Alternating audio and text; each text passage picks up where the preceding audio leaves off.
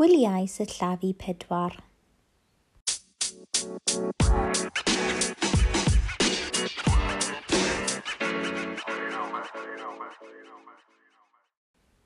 Now it's time to practice mature adjectives.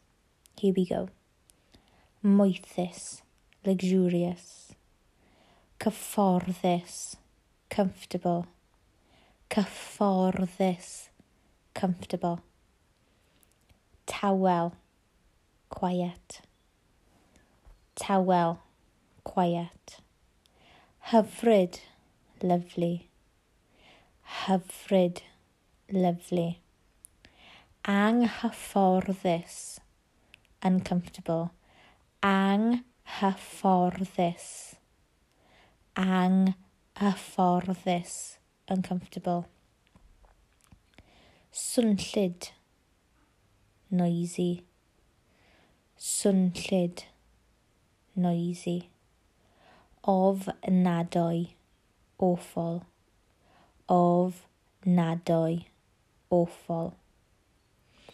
Brunt, dirty. Brunt, dirty. Agos i'r traeth, close to the beach. Agos, close i'r to the traeth beach. Agos i'r traeth close to the beach. Bell o'r traeth far from the beach. Bell o'r traeth far from the beach.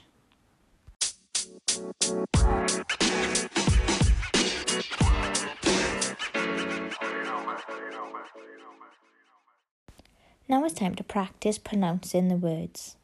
Repeat after me. Moethus. Moethus.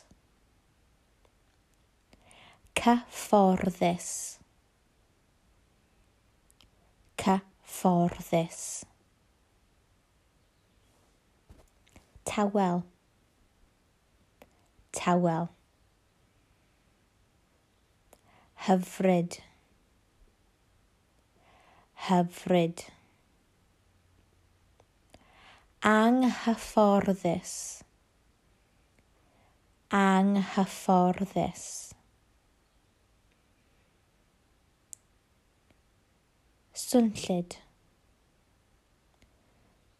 Swnllid. Ofnadwy. Ofnadwy pront pront agos i'r traeth. Agos i'r traeth. Bell o'r traeth. Bell o'r traeth. Thank you.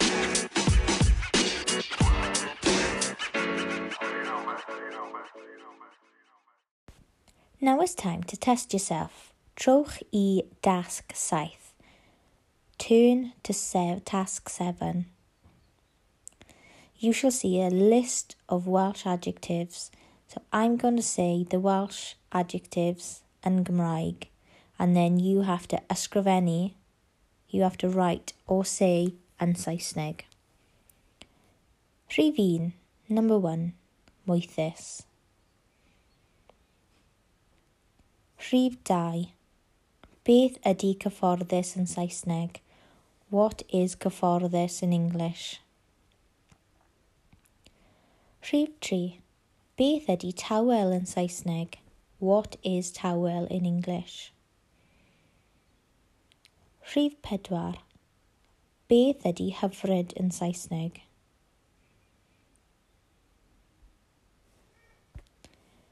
Rhif 5. Beth ydy anghyfforddus yn Saesneg? Rhif chwech. Beth ydy swnllyd yn Saesneg? Rhif saith. Beth ydy ofnadwy yn Saesneg? Rhif oeth. Beth ydy brwnt yn Saesneg? Rhif 9. Beth ydy agos i'r traeth yn Saesneg? Rhif 10. Bell ydy bell o'r traeth yn Saesneg?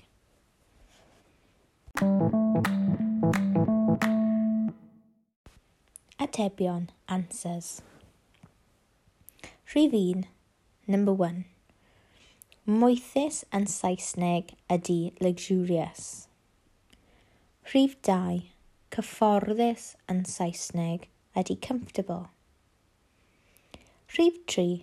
Tawel yn Saesneg ydy quiet.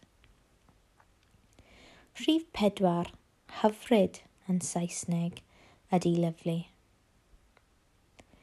Rhif 5. Anghyfforddus yn Saesneg ydy uncomfortable. Rhif 6 swnllyd yn Saesneg ydy noisy. Rhif saith, ofnadwy yn Saesneg ydy awful. Rhif wyth, brwnt yn Saesneg ydy dirty. Rhif deg, agos i'r traeth yn Saesneg ydy close to the beach bell o'r traeth yn Saesneg ydy far from the beach.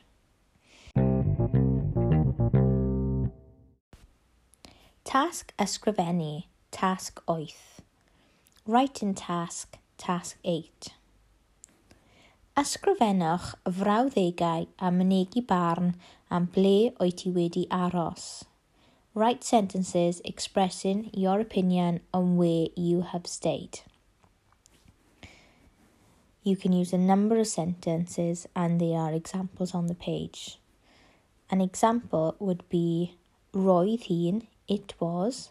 Sunllid, roedd hi'n sunllid, it was noisy. Or you could go into detail and use roedd y gwesti yn ofnadwy. The gwesti, the hotel, was awful. Roedd Sbaen and have read. Spain was lovely. And don't forget, as an extra, to push yourself more confident, you can use the soft mutation when an adjective is after an. Pob